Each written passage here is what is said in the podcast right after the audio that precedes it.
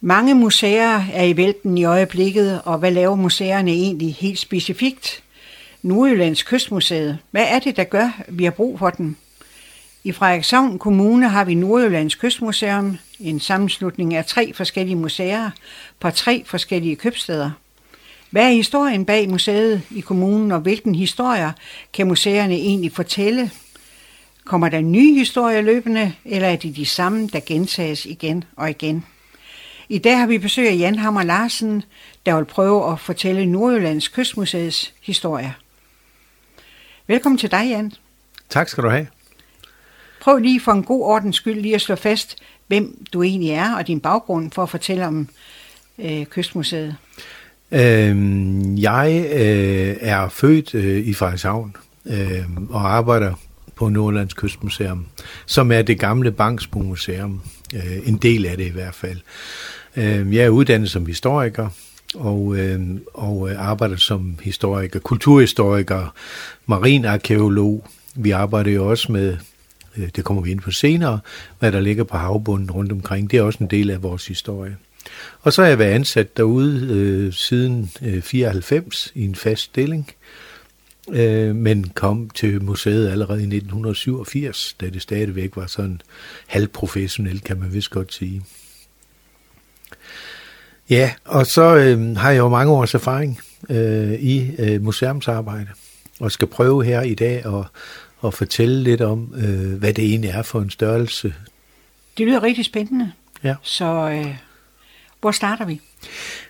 Jeg tror, jeg starter i Rom, eller i Pompeji, øh, fordi øh, dybest set, så har jeg aldrig rigtig, da jeg var barn i hvert fald, interesseret mig så meget for, for museer. Jeg er meget interesseret i historie. Øhm, og jeg har lige for nylig været en tur i Pompeji, som nok er et, øh, et af de øh, vildeste frilandsmuseer, man kan komme til. Meget kort fortalt, så blev den Pompeji, som var 900 år gammel by nede ved Napoli, den blev ødelagt i løbet af en eftermiddag i august år 79, hvor vulkanen Vesuv, den sprøjtede masser af lava og gasser ud og slog 2.000 mennesker ihjel i løbet af meget kort tid.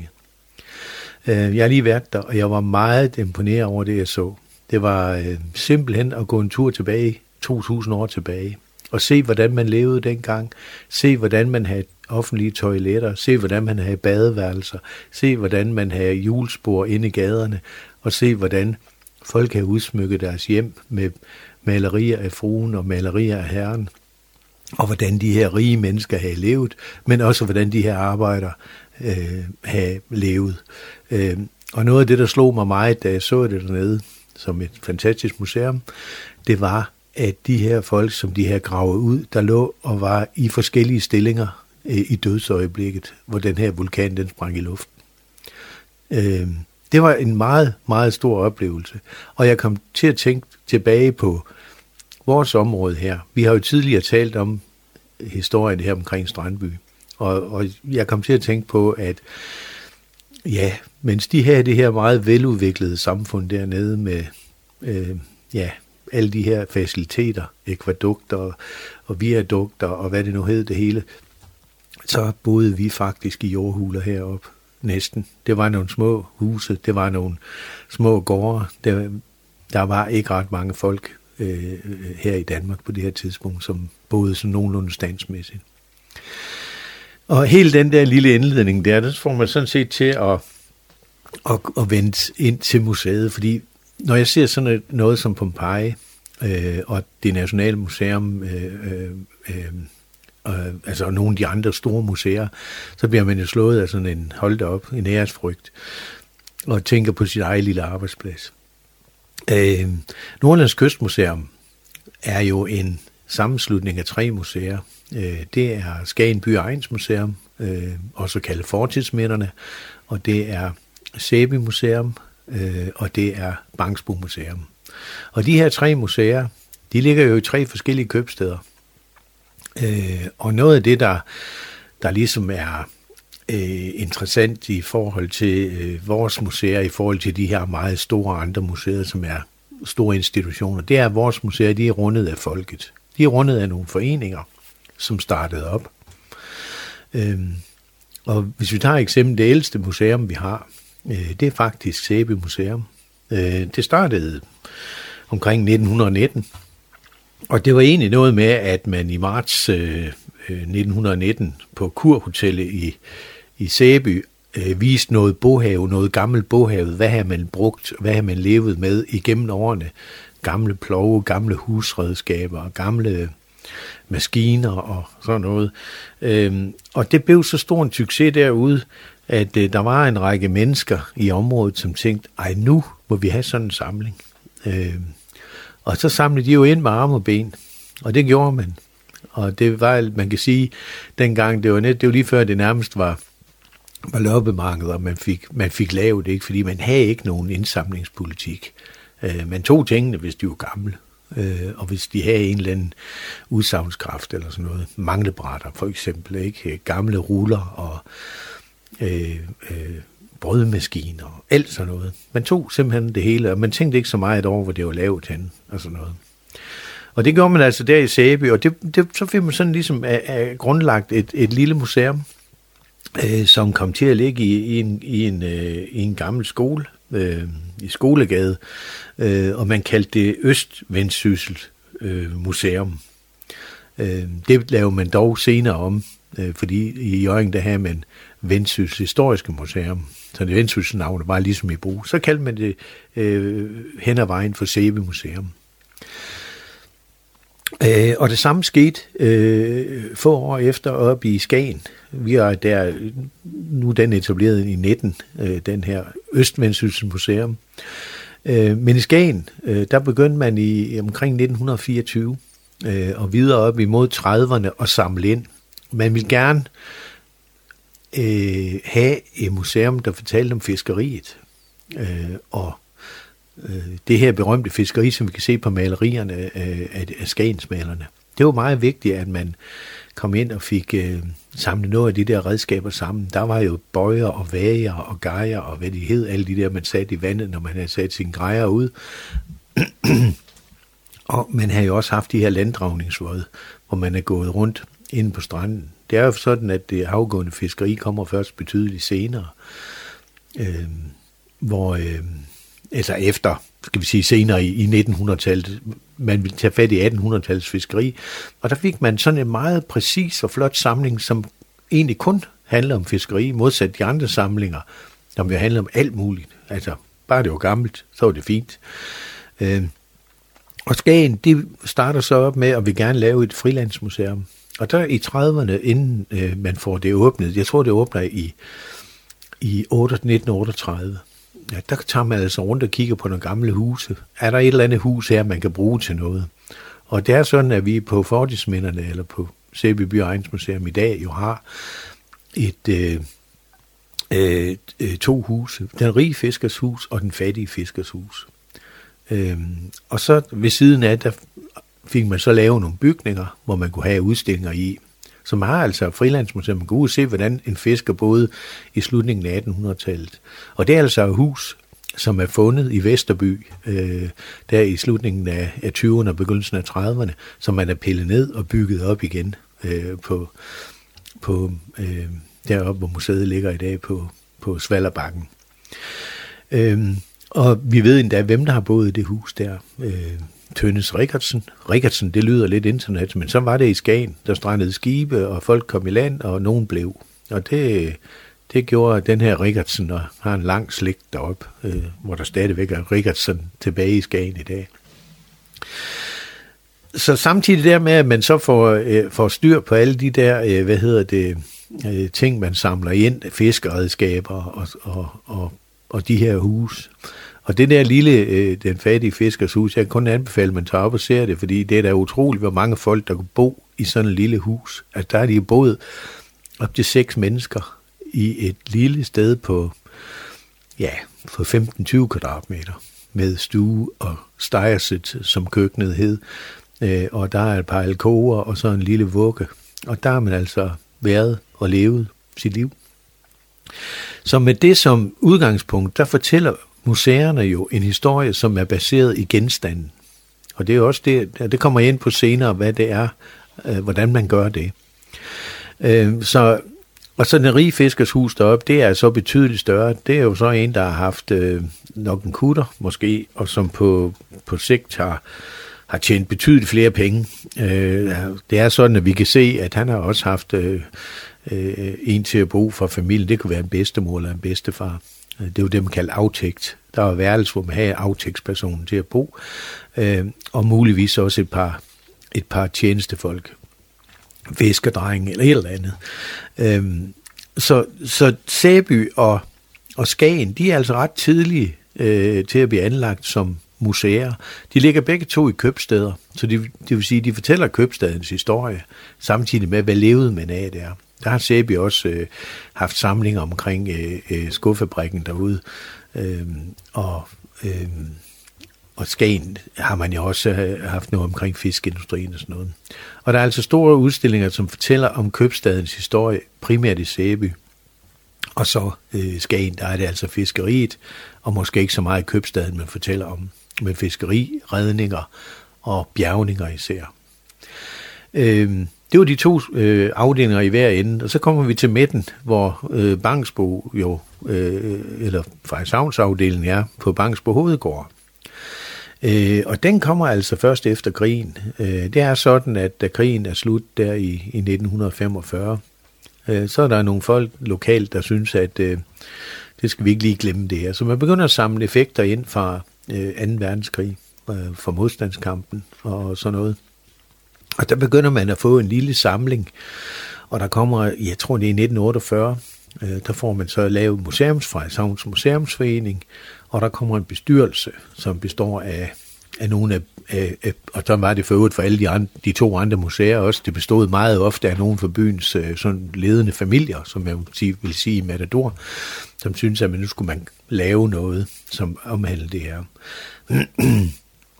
Øh, og man samler ind, og man øh, får fat i forskelligt materiale fra, øh, ja, fra modstandskampen, øh, tyske stålhjelme, øh, tyske, hvad hedder det, bajonetter, og hvad man nu kan finde, øh, og begynder at lave en lille udstilling. Og i starten, øh, der ved man ikke helt, hvor man skal være henne. Men det ender så med, at de får et rum ude på Bangsbo Hovedgård. Max Hovedgård led jo en, den skæbne under 2. verdenskrig, at den blev jo, øh, der sad tyskerne jo ude, øh, og, og den var fuldstændig ødelagt af indeni, øh, da tyskerne forlod den i, i 45. Øh, og øh, der fik Museumsforeningen altså et lille værelse, eller et lille rum op oven på det, vi i dag kalder Ampirsalen, til at udstille nogle af de her genstande, man har øh, samlet ind. Øh, og stille og roligt, så øh, begynder man virkelig at samle ind, og det er lidt det samme som i Sæby, ikke? Altså man tager simpelthen alt ind, øh, man tager hårdarbejder ind, altså vi er en formand for bestyrelsen, Karen Andersen, fru Karen Andersen, hun samlede simpelthen hårdarbejder ind, øh, øh, hvor man har taget øh, hårstykker af, øh, af sit lange hår, hvis man var en tjenestepige på landet, så kunne man flette et smykke, man kunne give til sin kæreste som sådan en kærlighedsgave. Dem har vi masser af. Der har vi samlet saltkar ind, der har vi masser af. Der har vi simpelthen samlet ind i alle hjørner af, jeg vil lige sige, sovnet eller i kommunen. Og det var lidt sådan, at de her museumsforeninger, både i Sæby og i Frederikshavn især, konkurrerede også lidt med dem i Jøring, for der samlede de jo også ind. Så hvem havde egentlig flest museumsnumre? Og der gik sådan en folkelig øh, sport i det, og sige, at nu er vi oppe på 15.700, vi har 18.800, ikke? Så man gik bare i gang. Der var ikke nogen regulering på det.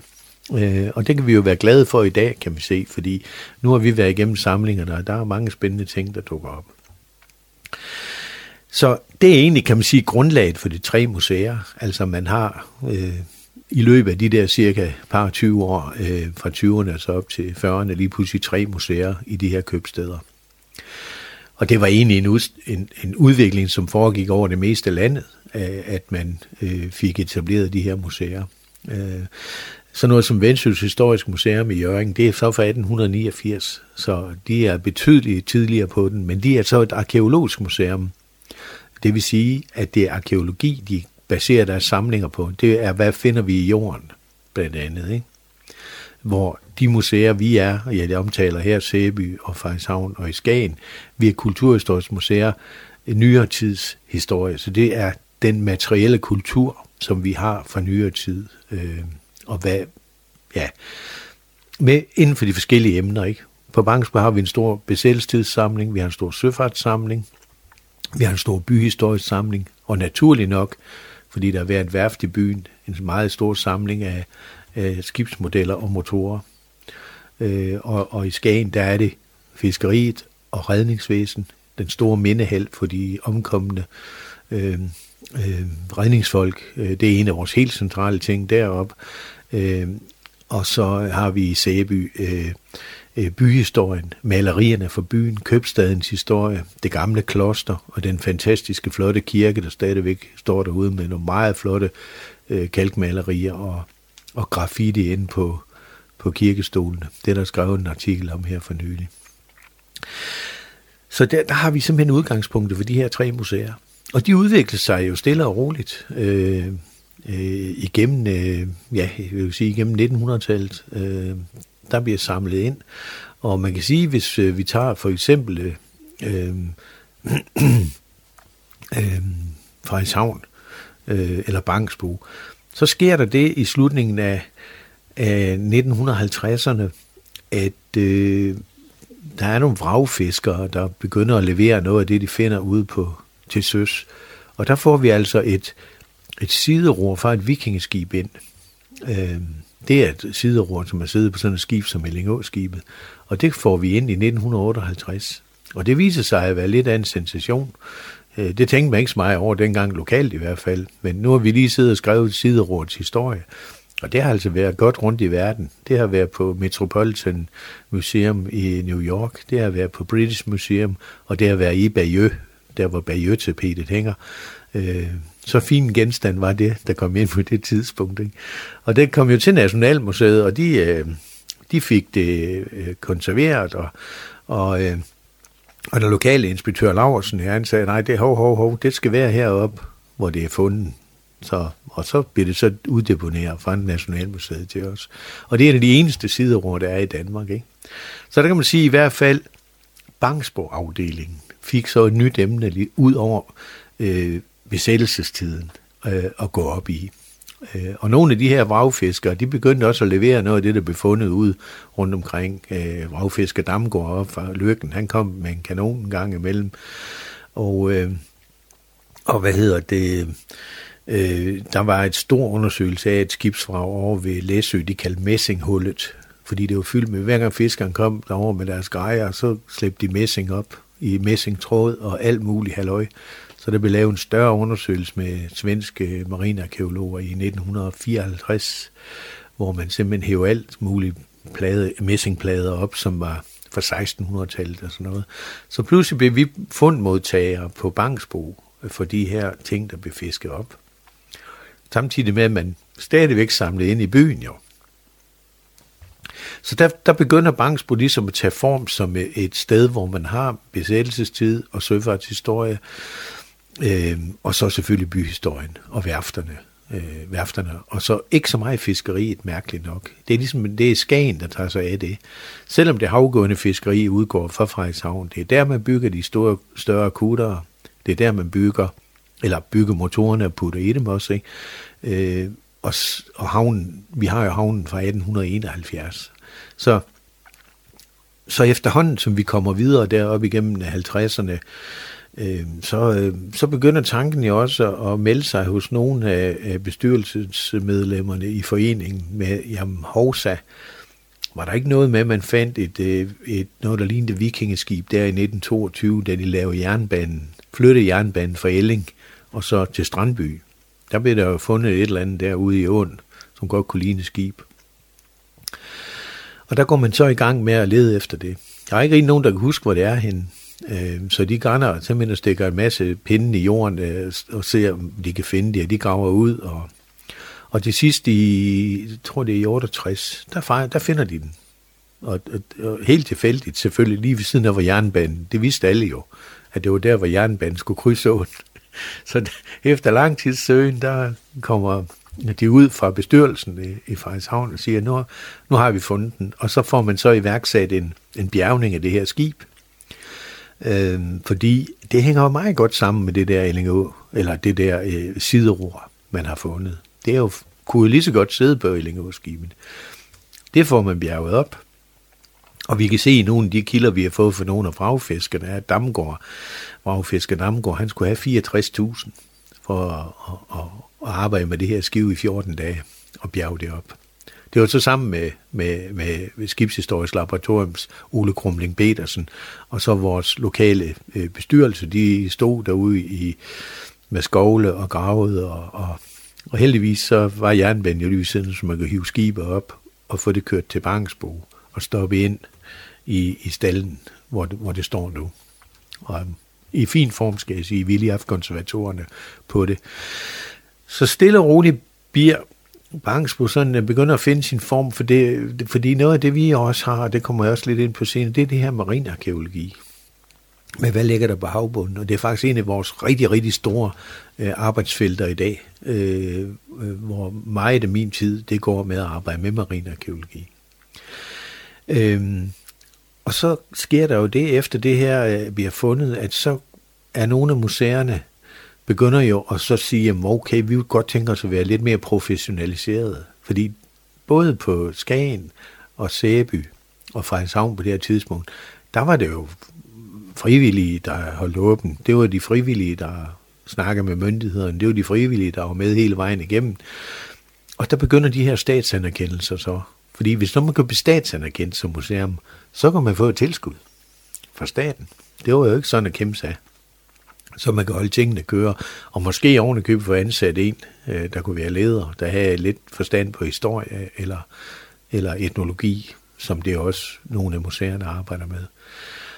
Øhm, og der, øh, der bliver de sådan, alle tre museer faktisk nogenlunde samtidig øh, der i 60'erne. Der skete også noget med, at de her, de, de får simpelthen statsanerkendelse, og så kan man begynde at få lidt statstilskud, og så får man lidt amtstilskud, og så kan man også få en lille smule tilskud fra kommunerne. Og der øh, begynder man så at få fastansat nogle, nogle personaler, som, som har forstand på kulturhistorie, og ligesom kan sortere lidt i, øh, hvad kan man sige, alt det, der er blevet hævet ind igennem tiden. Ikke? Altså, vi øh, har lige været igennem en større proces med at udskille genstande på Bangsbo, fordi vi skulle flytte magasin. Og der havde vi altså Øh, jeg ved ikke, hvor mange brødmaskiner. Og vi behøver altså ikke øh, 27 brødmaskiner. Øh, vi, det er nok at, at vise en, og hvis det så oven køber en fra brødfabrikken lige fra Havn, så er det fint. Vi behøver dem jo ikke for dem, der er lavet til brødfabrikker alle mulige andre steder i Danmark. Så der har vi været igennem sådan en udskillelsesproces. Fordi alle de genstande, der er taget ind igennem tiden, det er bare sådan, når vi tager en genstand ind, så skal vi bevare den for eftertiden, når vi er statsanerkendt. Og enhver, der ved lidt om lager og logistik, ved, at det koster penge. Øh, og det skal vedligeholdes. Det vil sige bevares med konservatorerne og sådan noget. Jamen var økonomien i museer på frivillig basis, før I blev statsanerkendt? Det var det primært, ja. Det var, øh, det var simpelthen, øh, man fik tilstillet nogle lokaler af den lokale kommune, og jeg tror, vi giver en krone i leje på Bangsbo Hovedgård øh, for at være der øh, endnu. og, og, og, og, og det var sådan, at, at der var kommunerne jo interesseret i, fordi det var også meget at gøre med, med hvad hedder det, med, øh, det er også meget at gøre med turismen. Vi er i en periode, hvor turismen blomster efter 2. verdenskrig, og man vil gerne have noget at vise folk øh, på det her tidspunkt. Ikke? Øh, vi har en sjov lille historie, som vi har fundet, fordi vi har, vi har skilte for Tordenskjolds hus, der jo var nede i Frederikshavn. Jeg er for øvrigt født dernede bag i baghus dernede. Og jeg kan godt huske skiltet, og der var sådan et smedeskilt ved siden af. Og på et tidspunkt, der, der, øh, der den gamle smed Schals nede i Skibergade 5, han rykker det her skilt ned, fordi han tænker lige skal komme ud på museet. Øh, nu der stod Tordenskjolds hus der på. Han har hørt fra en lokal historiker, at det her ikke noget med noget at gøre. Tordenskjold har aldrig været der, fordi huset det er først bygget 30 år efter, efter han døde, så det går ikke passe. Men øh, da, de, da de så hører det i turistforeningen, at han vil pille skilte ned, så går de ned til Smed Sjæls, formand for turistforeningen og, og direktøren for turistforeningen, og siger, hov, hov, hov, det må du ikke ansyn til turismen. Det skilt, det skal altså blive hængende. Nå ja, siger Sjæls, øh, det er så i orden. Så hænger de skiltet op igen.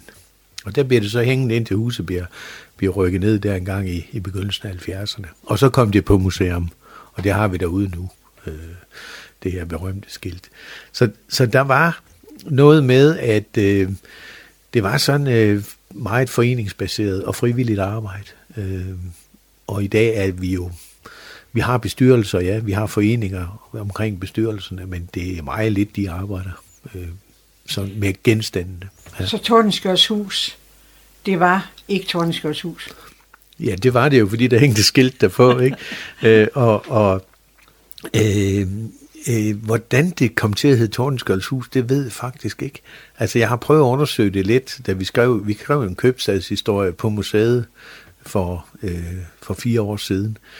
Og det var noget med, at der var både en, en, en dame dernede en gang, som mente, at, at hun havde hørt, at Tordenskjold, han skulle have overnattet der, uden at vide, hvornår Tordenskjold han var der, og også nok uden at vide, hvor gammel hendes hus det var, fordi øh, det kan, der kan formentlig have ligget andet et før, fordi der er jo ingen tvivl om, at Tordenskjold nok har været der på et eller andet tidspunkt. Øh, men øh, om han lige frem har boet der, det, det, det er der nogen, der tvivler lidt på.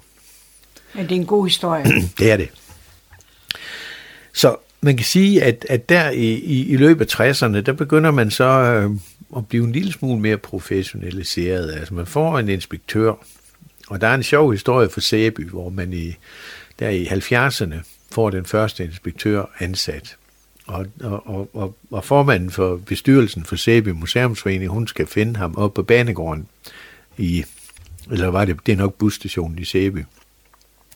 Og den nok, ja, der var ingen bane på det tidspunkt. Og der, der kommer hun op, og alle de her folk, der går rundt på den her busstation, der peger hun ham ud med det samme. Det kan kun være ham der, fordi han ligner sådan en akademiker fra København, der var kommet til Nordjylland. Og, øhm, og jeg kender ham udmærket, det er Lars Holst, som var i Sæby mange år senere i Skagen, en af de markante øh, figurer i, i den her museumshistorie. Og Lars, han, øh, han boede øh, øh, i på museet, i samlingerne. Han lå øh, med en madras under skrivebordet og slukkede lyset og rejste op og arbejdede. Og boede, han boede der i, i lang tid, øh, sådan midt i alle genstande, og fik bygget Sæby Museum op i det, der hedder Konsolørumsgård. Hvis man kan huske, hvor Sæby Museum ligger, det ligger ikke så langt fra, fra, fra apoteket i Sæby. Lige der, når man kører over vandfald, kommer sydfra, eller nordfra fra Savn, og kører over der, hvor vandfald er i Sæby, så ligger lige til venstre. Og den der gård der, den, den fik Lars renoveret, og fik samlingerne, ordning på samlingerne, og fik lavet den her byhistoriske samling og byhistoriske udstilling. Og samtidig dermed, så er de også tilknyttet et lokalhistorisk arkiv. Det har alle de her museer, Sæby, Frederikshavn og Skagen. Øhm, her i Frederikshavn, der, øh, der, der, der foregik det sådan lidt på en anden måde. Der fandt man jo ud af det der med, at nu har man de her fine ting, som nu er Ellingåskibet og, og, og det ror der, plus alle de ting, der blev taget op fra havet. Og så fik man øh, sådan set bare en, en statsanerkendelse, sådan nærmest automatisk. De blev delt ud dengang. Det er meget svært at få i dag, vil jeg sige. Hvis der starter et eller andet samling et sted, øh, så får man ikke en statsanerkendelse i dag. Øh, Slots- og Kulturstyrelsen, som vi er under, som er vores øverste myndighed, kan man sige, sammen med kommunen, som er hovedtilskudsgiver. Øh, de ser gerne færre museer end flere. Så derfor har vi set de her museumsfusioner øh, igennem årene. Og i Skagen, jamen det er, det er det samme, der får, kommer der også en faguddannet leder, og får sat skik på samlinger. Men det er sådan, at i Skagen, der har man stadigvæk de her øh, meget præcise samlinger, som kun omhandler fiskeri og bjergning og øh, redningsvæsen. Øh, de har ikke alle de der øh, underlige ting, som vi andre fik ind. At vi, vi kunne starte et kæmpe loppemarked med, med en fjerdedel af vores ting, måske endda en tredjedel af vores ting, ikke, som ikke hører hjemme på museet, men de er taget ind, fordi de er gamle, og fordi de selvfølgelig også har en eller anden historie. Øhm, de, den hårdsamling, jeg, jeg nævnte før, ikke? Altså, den er vi jo berømt for i Danmark, øh, faktisk i verden. Øh, jeg havde en, en, en sjov oplevelse for en, for en fire år siden, hvor min chef han kom ind og sagde, nu øh, er det sådan, at der kommer en professor fra London, som gerne vil se vores hårdsamling på lørdag. Og alle sammen sad og kiggede ned i bordet og tænkte, at det skal jeg vist ikke ind og snakke om det her. Men øh, de blev ved med at sidde og kigge på mig, fordi jeg var ham, der har været der længst. Og jeg tænkte, okay, okay, så er jeg da også hård ekspert i dag, eller på lørdag. Og, og Og Emma, hun hed Emma, og kom med, med, med toget kl. 10. Hun er være opponent til en eller anden Ph.D. i Aarhus, og nu vil hun altså op og se den her hårdsamling. Og jeg tænkte, jamen det kan jeg godt klare på, på et par timer det her, sådan lørdag. Og jeg hentede hende kl. 10, og satte hende på tog igen kl. 17. Så, men det var faktisk rigtig spændende og sjov at høre hendes fortælling om hår og hårarbejder, hvor vi tænker, okay, det er jo bare en samling, som fru Karen Andersen, hun har samlet ind igennem de mange år. Hun var der, og hun blev faktisk doktor i det på Uppsala Universitet. Øhm, men øh, Emma øh, her fra, fra University of London, hun kunne fortælle, at hår i dag er en kæmpe handelsvare. Vi kan se, at de unge mennesker, de unge piger går med extensions, hedder det vist nok, hvor de sætter noget i, og man bruger hår, og man bruger hår til, øh, til parrykker til, til folk, der er kraftramte. Og, og hun fortalte en ret, ret sjov historie om, at, øh, at, at, at i, i USA, der var man i hvert fald ikke hår fra, fra kineser og så russere, fordi de er kommunister, og det kan man ikke bruge til noget som helst. det vil de ikke gå rundt med derovre. Ikke? Øh, så, så derfor bliver de her samlinger, vi har på museerne, de bliver pludselig sådan noget, som giver nogle helt andre oplevelser. Ikke? Og det morsomme er, det var jo, at, at øh, Emma uh, fra University of London, hun gav mig faktisk et hornet, og, og jeg har jo ikke meget at byde på den slags der.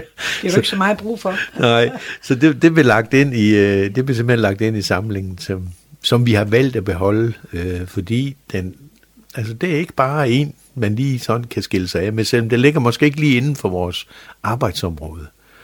Men hårsamling er jo, altså hvis man skal kigge på det sådan en kulturhistorisk sammenhæng, så de der piger, der kom, og det var tit piger, der kunne det der håndværksmæssigt med, med at flette hår, de kom fra Sverige.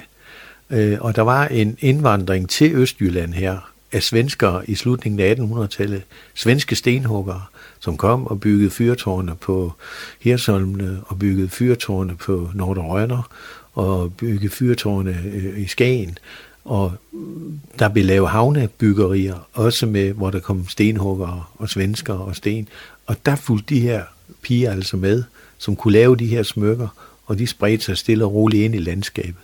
Så man kan godt sige, i forhold til kysthistorie, øh, så har det altså også en lille betydning. Men den er nok meget lille, vil jeg sige. Den kan, man kan godt finde argument for det.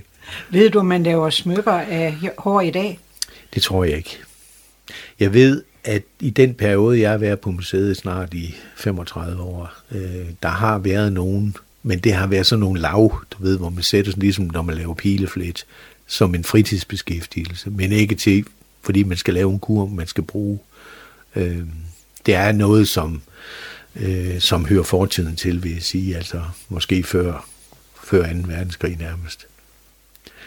Øh, så, så de der specielle samlinger der, de, er, de, de er jo lidt sjove en gang imellem. Øh, øh vi har det overvejet, om den skulle øh, tilbydes til Kunstindustrimuseet, men jeg tror ikke, at, at, at overvejelsen de er kommet så langt endnu. Øhm, ja, altså, det var så statsanerkendelserne. Der er vi altså omkring de her 70'erne og sådan noget. Ikke? Og, og der begynder det så at Øh, altså der begynder museerne så at kunne søge penge til alle mulige projekter. Øh, og øh, i Skagen, der får man jo søgt en del penge tilbage i, for en 25 år siden, hvor man får søgt penge til en ny byggeri derop. Altså i det gamle, altså inde på museumsområdet, bliver der bygget en helt ny udstillingsbygning, øh, som kobler øh, de gamle bygninger sammen, altså der, hvor redningsbåden står, og så har vi en rorsbåd til at stå deroppe. Øh, og så er der sådan en lille café, og nu kan man altså komme op og få en kop kaffe, eller en snitte, eller et eller andet, øh, og gå i nogle mere moderne oplevelser, øh, øh, omgivelser.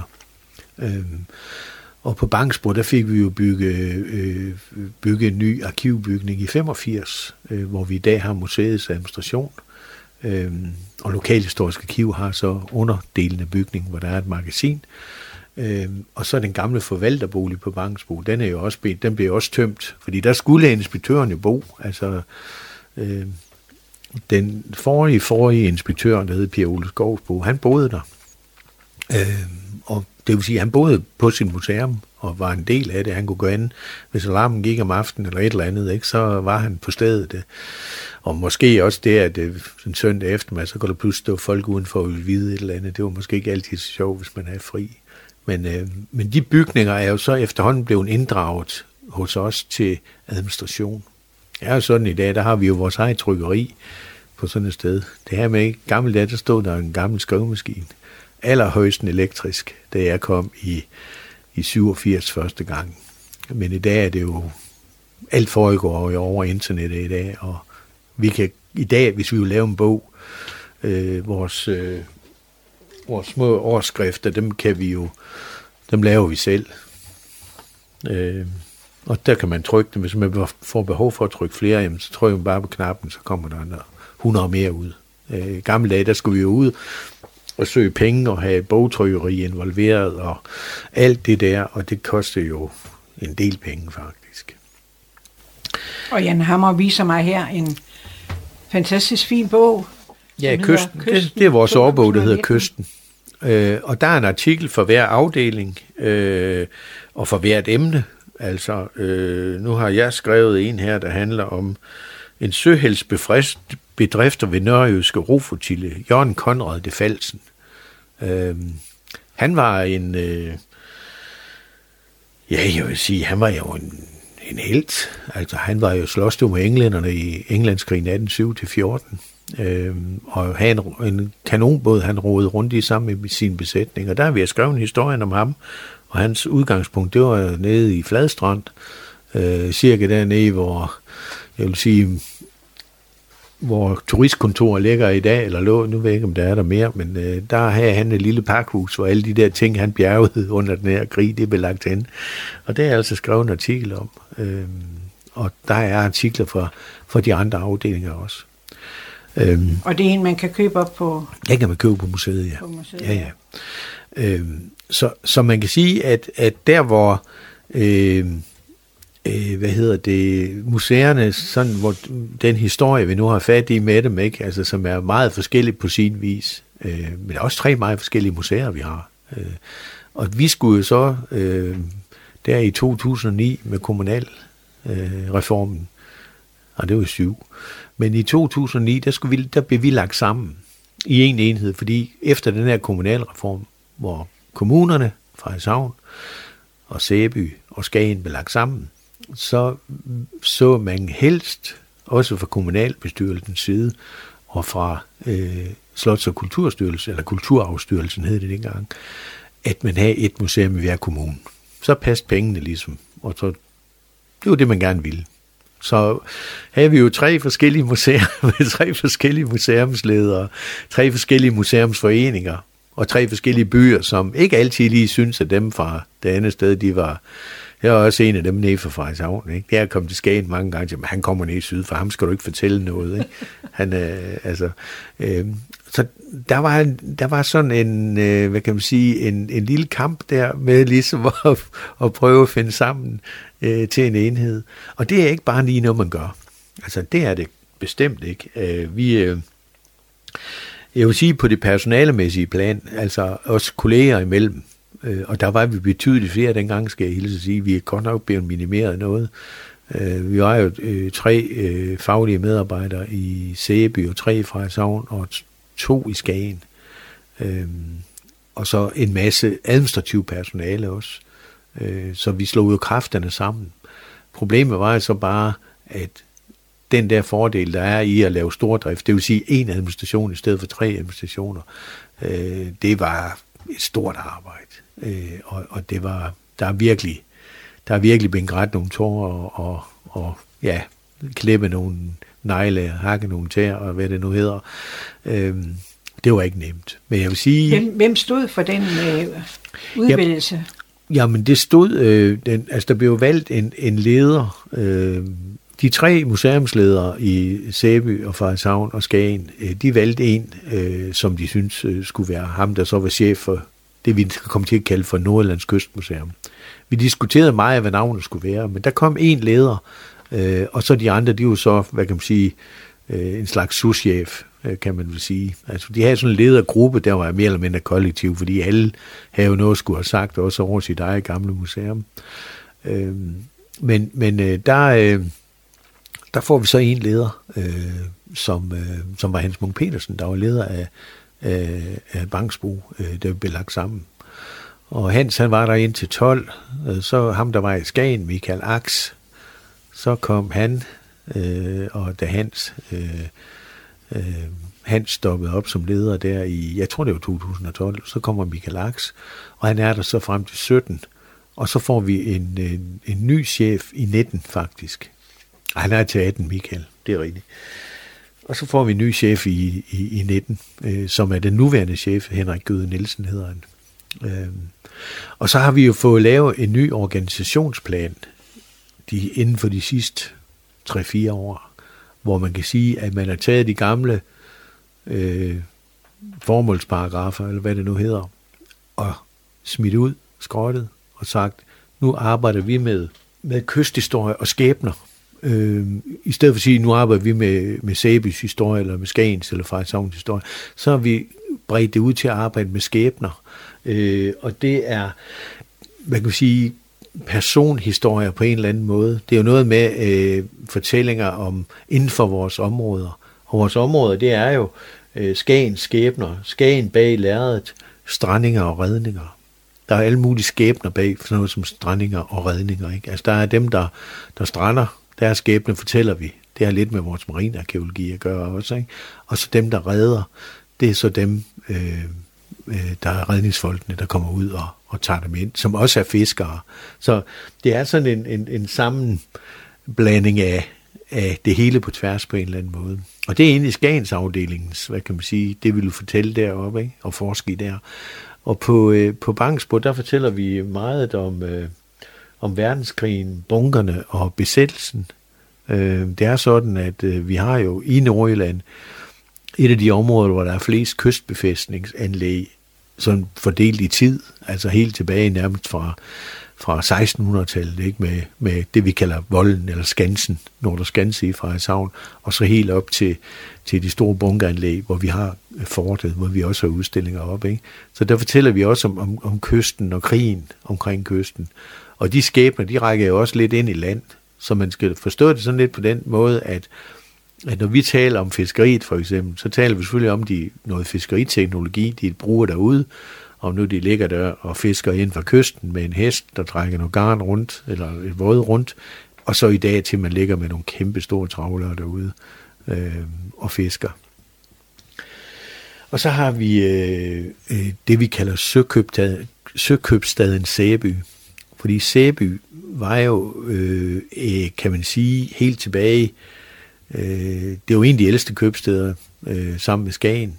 Den blev anlagt, fordi øh, at den gamle bisbu på Børlum, han havde, skulle gerne have en havn øst på, hvor han kunne udskibe sine varer. Og det blev altså ude ved Sæby der, og der fik vi også anlagt øh, kirken og klosteret derude. Øhm, så den har en lang, lang historie tilbage i tiden, øh, købstad. Det har faktisk Havns købstad ikke. Den er helt ny, den er fra 1818.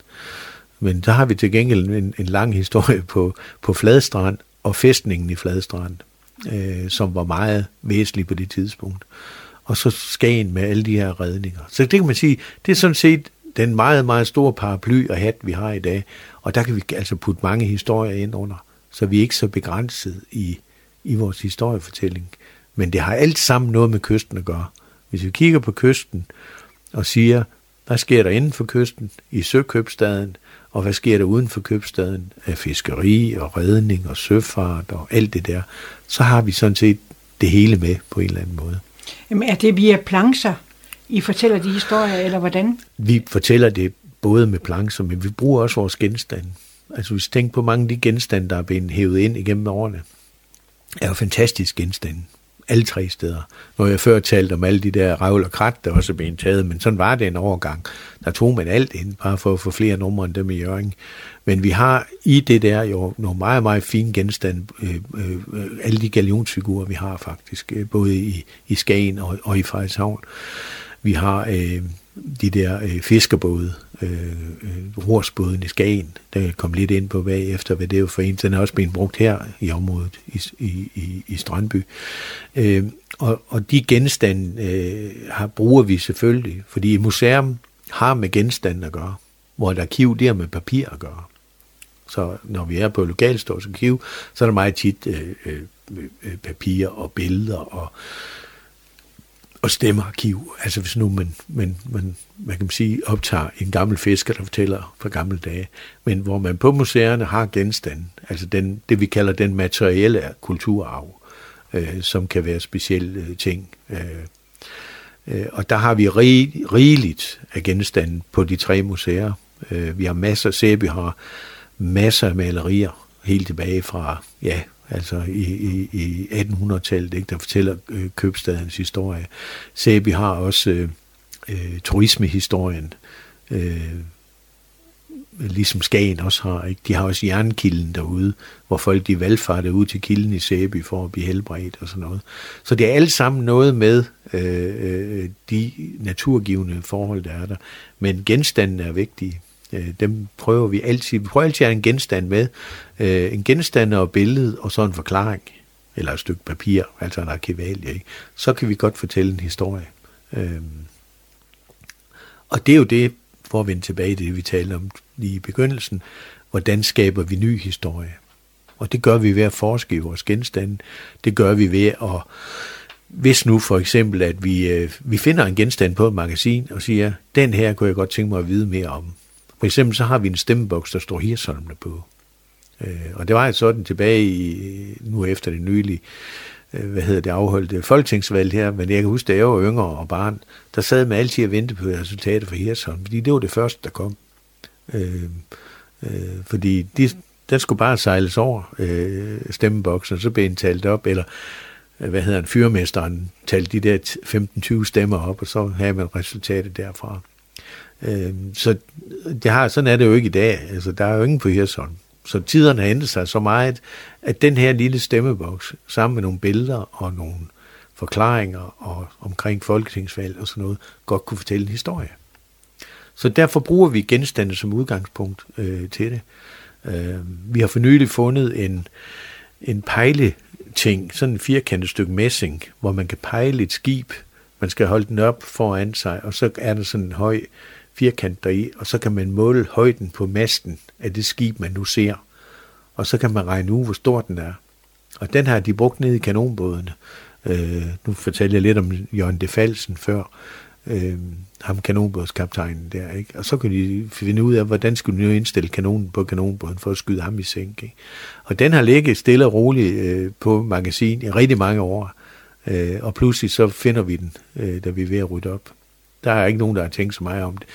Øh, på den, da den blev taget ind en gang i, formentlig, det ser ud til, den stammer ned fra konsul Kloses, øh, øh, hvad hedder det, kontor. Øh, han døde i 1941.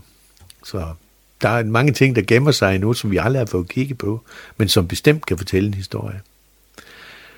Og det er jo også med, fordi der arbejder vi også sammen med andre museer og laver fælles projekter øh, hvor vi prøver at, at, at fortælle en samlet historie. Ikke? For eksempel så havde vi for en del år siden, øh, øh, vi har nogle sejlende fartøjer øh, øh, i vores museer. I Skagen, der har vi en fiskud, der hedder Hansa. Den er fra en gang i 20'erne. Øh, og på Læsø, der har, de, øh, der har de Elden, som er en snorvæskutter fra 1906. Og så har vi øh, Klitgård her fra Frederikshavn, som er fra 1890. Og der blev vi enige om, alle os museer, at nu samlede vi os sammen og lavede en udstilling og fortalte om fiskeriets historie. Og jeg startede i Skagen med at sejle med en udstilling, satte den op i Skagen, og så øh, fortalte vi alle de her folk, der kommer til udstillingen, hvad det handler om med fiskeri, og viste gamle ting og sådan noget. Og så kunne de ellers gå ind i aktionshallen bagefter og se, hvordan sådan en fiskeriaktion den foregik i dag. Og den sejlede vi med fra Skagen og så helt til Hobro, og ind i samtlige havn over sådan en periode på en tre uger, tror jeg, der gik med det. Øh, så der kommer vi også ud og formidler øh, de ting, vi har med et skib, der siger tuk-tuk, øh, med den originale motor i, øh, og, med, øh, og så med nogle folk ombord, der kan fortælle en historie. Så vi var over Læsø og øh, Skagen, øh, øh, Frederikshavn, og jeg tror ikke engang, vi kom til Strandby. Det burde vi jo have været. Det er jo fiskeribyen her i kommunen jo. Øh, og så øh, Læsø, Sæby, Hals, Aso var vi inde i også, og kom så hele vejen ned til Øst, så var vi Østerhurup, og så ikke i, ikke i Hov, og så hele vejen ind til Hobro, for de var også med. Museet i Hobro var også med i, i den der øh, satsning der. Og det, der var sjovt ved det, det var jo, at øh, vi troede, vi skulle ud og fortælle om fiskerihistorie. Men det blev en helt anden ting. Vi kom ud, og så kom folk ned og sagde, ah, jeg kan godt kende den kutter der, den, er, kan jeg, den sejle der og der. Og det var folk, der kom for at snakke og ville fortælle om deres liv og deres oplevelser. Det, det, det, så det blev noget helt andet, end det vi havde forestillet os. Og det er det, der er sjovt ved at arbejde øh, på et museum. Det er, at øh, hvis folk de begynder at snakke, så kommer der også masser af viden ud af dem. Og så er det selvfølgelig, at vi nogle gange, der skal man jo sortere, fordi altså, nogen kan huske forkert, og andre kan binde os en historie på ærmet. Det er sådan lidt, det ved man ikke. Altså, det, det har vi prøvet. En af de ting, vi plejer at spøge med, når vi sådan, vi har jo lært at interviewe, da vi rendte rundt på universitetet i sin tid. Jeg kan huske, at vi blev sendt ud til nogle fiskere ude i, jeg tror det var der, hvor de trækker både op ud Slette Strand eller Torup Strand. Og så sagde jeg til dem, ja, hvornår, hvornår fik I så renoveret spillet derude i vandet, så I kunne trække, trække båden på land? Ah, det var det, det var det år, Arne Eriksen han solgte sin motorbåd. Nå, nå, jamen, det, det er fint. så så der, der kan man altså... Øh, og det er ikke altid, at de der gutter, de synes, det, at de godt lide at drille sådan nogle folk som os fra museum, ikke? Fordi at de, øh, men langt de fleste vil jo gerne fortælle, hvad de er på hjertet, og fortælle, hvad de arbejder med igennem årene. Øhm, ja, så, så, så Kystmuseet i dag, det er skæbner, det er, ja, det er folks liv, det er dagligliv, det er øh, øh, arbejdsliv, det er alt muligt. Jeg skal sige, at vi samler ikke så mange genstande ind mere, øh, fordi øh, øh, man skal tænke sig lidt om øh, med det her øh, med at samle genstande ind. Vi har oplevet med, at vores magasiner eller depoter, eller hvad man nu kan kalde det, de bliver hurtigt fyldt, øh, og det koster altså mange penge at, at have sådan noget til at stå med øh, temperaturstyring og fugtighedsstyring på, så vi er meget kritiske med, hvad vi samler ind i dag. Hvor man før jo havde den der med, at folk de henvendte sig til museet og sagde, jeg har en gammel rulle, jeg gerne vil aflevere til at rulle tøj med. Og der har jeg godt nok, øh, jeg har ikke modtaget mange, jeg har sagt nej til rigtig mange. Og folk, de kan ikke altid sådan til, ah, hvorfor den, den har der været brugt der, og den, ja, men vi har en rulle. Vi har også to ruller, og vi har også tre ruller, ikke? Øh, så vi kan ikke tage det hele. Så, så vi plejer at sige, at vi er gået for det, der hedder passiv modtagelse. Altså hvor folk kom og sagde, det her, det vil vi gerne have på museum. Og så sagde vi, at det kan vi godt. Langt de fleste tilfælde. Det er ind med det, du. Øh, og så øh, til i dag øh, til at sige, at øh, vi, øh, vi samler ind, når vi laver en undersøgelse. Øh, lad os nu sige, at vi vil, øh, vi vil lave en undersøgelse øh, af et eller andet sted. Så vil man gå ud og snakke med for eksempel en virksomhed. Det kan være en virksomhed, der, der skal lukke eller et eller andet. Så vil man gå ud og snakke med dem derude og sige, jamen, øh, hvor gammel er I, og hvor lang tid I ligger her. Har I nogle genstande, vi kan få? Og så kan vi fortælle jeres historie øh, om 100 år eller om 50 år.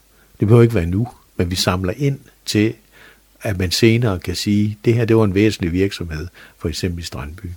Øh, de har lavet get, net, garn til fisker, fisker i, i 60 år, ikke lige fra øh, de første snorvoldskutter og, øh, og snor, øh, eller hvad hedder det, ganske mindre øh, garn, og så op til moderne travl med teknologiudvikling og netmasker og alt sådan noget. Ikke? Så vil man have, gerne have, have et eller andet eksempel på hver, så man kan se den her, hvis nu det er en voldbindervirksomheds øh, teknologiske udvikling fra ganske almindelig snorvoldsfiskeri, og så op til en moderne travl, der øh, laver pelagisk fiskeri lige under havoverfladen eller sådan noget.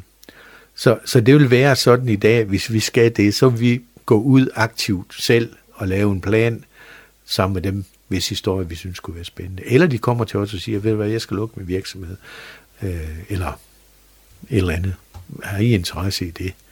Øh, så vil man sige, jamen det ligger inden for vores arbejdsfelt, det kunne vi godt være interesseret i.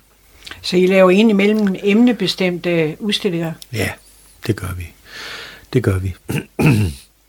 I dag der er vi meget hægtet op på, fordi tiderne er jo i dag med sociale medier og sådan noget, at alt bliver hængt op på, på besøgstal, og hvor mange klik har vi på Facebook og sådan noget. Ikke? Øh, det er jo noget, vi er ved at finde ud af at komme med i øh, på en eller anden måde. Ikke? men, men det, er ikke, det er ikke nemt. Det er vi ikke vant til, men vi har fået ansat folk, som er gode til at håndtere den slags der. Øhm, øhm, så det, det er rigtig fint. Man kan jo sige, for at vende tilbage til museet, hvad er det så egentlig, vi skal på museet? Og vi har en museumslov, vi arbejder under. Øhm, og den lov, den, er, den kan man finde på internet. Bare skrive museumsloven. Øh, og der siger vi, der er fem søjler i den museumslov, som vi skal arbejde med. Og det ene, det er indsamling. Det vil sige, det er der, vi vil gå ud til en virksomhed og sige, at vi vil gerne kigge på jeres øh, produktion af net og travl igennem de år. Og så er det registrering. Så registrerer vi det, sætter et nummer på og gemmer det. Og så er det bevaring. Det vil sige, at vi sørger for, at det ikke øh, går til. Det bliver tilset af en konservator og lagt på magasin. Og så er det forskning. Det vil sige, så sætter vi os ned og finder ud af, hvad er det her for nogle travl og nogle virksomhed, og hvor er han solgt til, og har vi nogle billeder af den, har vi nogle kutter, hvor den her travler på, og hvad kan de fisk med det, øh, og så til sidst øh, formidlingen. Øh, det er der, hvor vi fortæller historien, enten i et foredrag, en udstilling eller en artikel. Så det er en af de fem søjler, vi arbejder på, og vi hele tiden skal forholde os til. Øh, vi har jo Slots- og Kulturstyrelsen i, øh, i øvrigt en gang imellem, ikke? og siger, nå, hvordan går det ellers med det her i styr? Ja, jo, jo. Altså, vi, vi skal jo gerne, øh, ligesom hvilken som helst anden virksomhed, prøve at, at være, øh, med, være med. Øh, og det synes vi efterhånden, at nu med alle de besværligheder, der var, da museerne blev lagt sammen i, i 2009 med de her, øh, som jeg sagde, tre forskellige bestyrelser, tre forskellige kommuner, tre forskellige byråd og tre forskellige personalegrupper. Øh, og der er så også sket en del udskiftninger, skal jeg sige. Der er nogen tilbage af de gamle, men der, der er mange, der er, øh, ja, hvor stillingerne bliver nedlagt, og hvor man øh, enten er gået på pension, eller sagt, jamen jeg finder, at der er en arbejde og sådan noget. Ikke? Så det har været, det har været en, en, en lang proces, men øh, jeg tror, museet er derhen nu, at øh, vi øh, på Nordjyllands Kystmuseum øh, sammen med vores marinarkeologi, som er en meget, meget væsentlig del af, af vores virksomhed, jo faktisk er et af de museer, man kigger til øh, i, i, i Vestdanmark overfra fra staden. Øh, vedrørende det marinarkeologiske, der er vi jo med i et samarbejde med Moskov Museum i Aarhus, øh, som jeg, jeg kalder det Jyske Nationalmuseum nærmest, øh, og Strandingsmuseet St. George over i, øh, i Vestjylland, over i Torsminde, og så Langelands Museum. Så vi er fire øh, museer, og så også på Kystmuseet. Så vi er fire museer, der arbejder med det her. Og vi råder over øh, to, fire, seks, syv dykkere, så når der er et eller andet projekt, der skal kigges efter, jamen så kan vi rykke ud, øh, alt efter øh, hvem der har tid og hvem der ikke har tid, men vi skal være mindst tre, når vi dykker. Øh, så, øh, så tager vi ud og kigger på øh, øh, et eller andet. Hvis der skal bygges en havnemole, eller der skal bygges en vindmøllepark, eller der skal bygges, øh, eller der skal indvindes noget sand et eller andet sted, så kigger vi tit materiale igennem for at se, om der ligger nogle skib der, eller noget nogle gamle bopladser, øh, der skal vi sige er tilbage fra stenalderen. Øh, og det arbejde, det, det er jo noget af det, vi, vi, vi kan tjene nogle penge på faktisk, fordi øh, det er sådan, at bygherrer skal betale øh, for de her undersøgelser. Øh, og det er vi meget glade for, at vi, at vi arbejder med det også. Men selvom I i dag stadigvæk har tre fysiske ja. Øh, museer, mm. et i Sæby og et i Frederikshavn ja. og et i Skagen, mm. Mm. så har I fælles administration? Ja. Det har vi. Det var bestyrelsens ønske øh, for øh, en tre år siden. Øh, der havde vi, der havde vi delt administrationen op. Øh, vi havde en lidt administration i Frederikshavn, og, og indtil for, det er nok endnu flere år siden, måske snart 7-8 år siden, øh, i Sæby også, og så sad vores økonomiafdeling, den sad i Skagen. Men det er ikke særlig hensigtsmæssigt at sidde på afstand af hinanden. Øh, så der ønskede bestyrelsen for et par år siden, eller tre, at det hele blev samlet øh, på Banksbro. Øh, så vi har i Skagen, øh, der har vi kontorfaciliteter, så vi har medarbejdere. Øh, dels har vi billetpersonale i Skagen, som sidder øh, og holder åbent og sørger for, at caféen kører og alt det her. Øh, og så har vi altså også medarbejdere, der sidder og arbejder i Skagen. Øh, så der er kontorfaciliteter, hvis man godt vil have det fred og ro til at sidde og forske lidt, eller skrive en artikel, eller sådan. Det er der. Jan Hammer, hvad er det egentlig, der er så vigtigt ved at dokumentere fortiden? Jamen, jeg har jo den holdning, at øh, hvis ikke vi forstår fortiden, så vil vi også have svært ved at, at navigere i fremtiden. Øh, jeg tror, at vi øh, øh, langt stykke hen ad vejen øh, øh, ved at have vores øh, kulturarv med os, bliver rigere mennesker, øh, sådan rent øh, mentalt. Øh, øh, vi er i en tid nu, som er uhyggelig. Øh, krigen i Ukraine, og folk taler klima, klimakrise, og det er lige før, man tror, hvis solen den bliver lidt rød, når den går ned, at så er han helt galt. Ikke?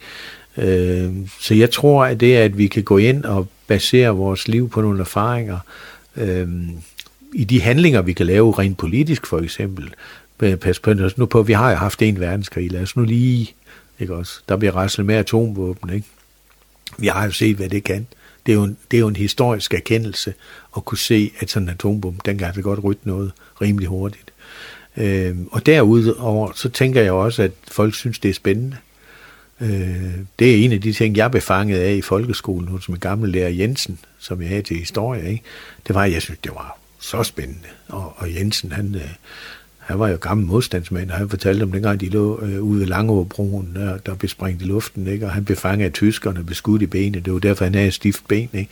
Og der sad jeg og tænkte, gud, han, han står lige der. Ikke? Øh, så jeg tror, at, øh, at, at øh, det, at folk øh, har et sted at tage hen og gå på museum og fordybe sig, om det er kunstmuseum, for eksempel Skagen Kunstmuseum med alle vores øh, fantastiske øh, Skagensmalerier, øh, Ankers Hus og Krøyers Hus. Og Krøyers Hus kan man så ikke komme ind i, men, men i hvert fald Ankers Hus.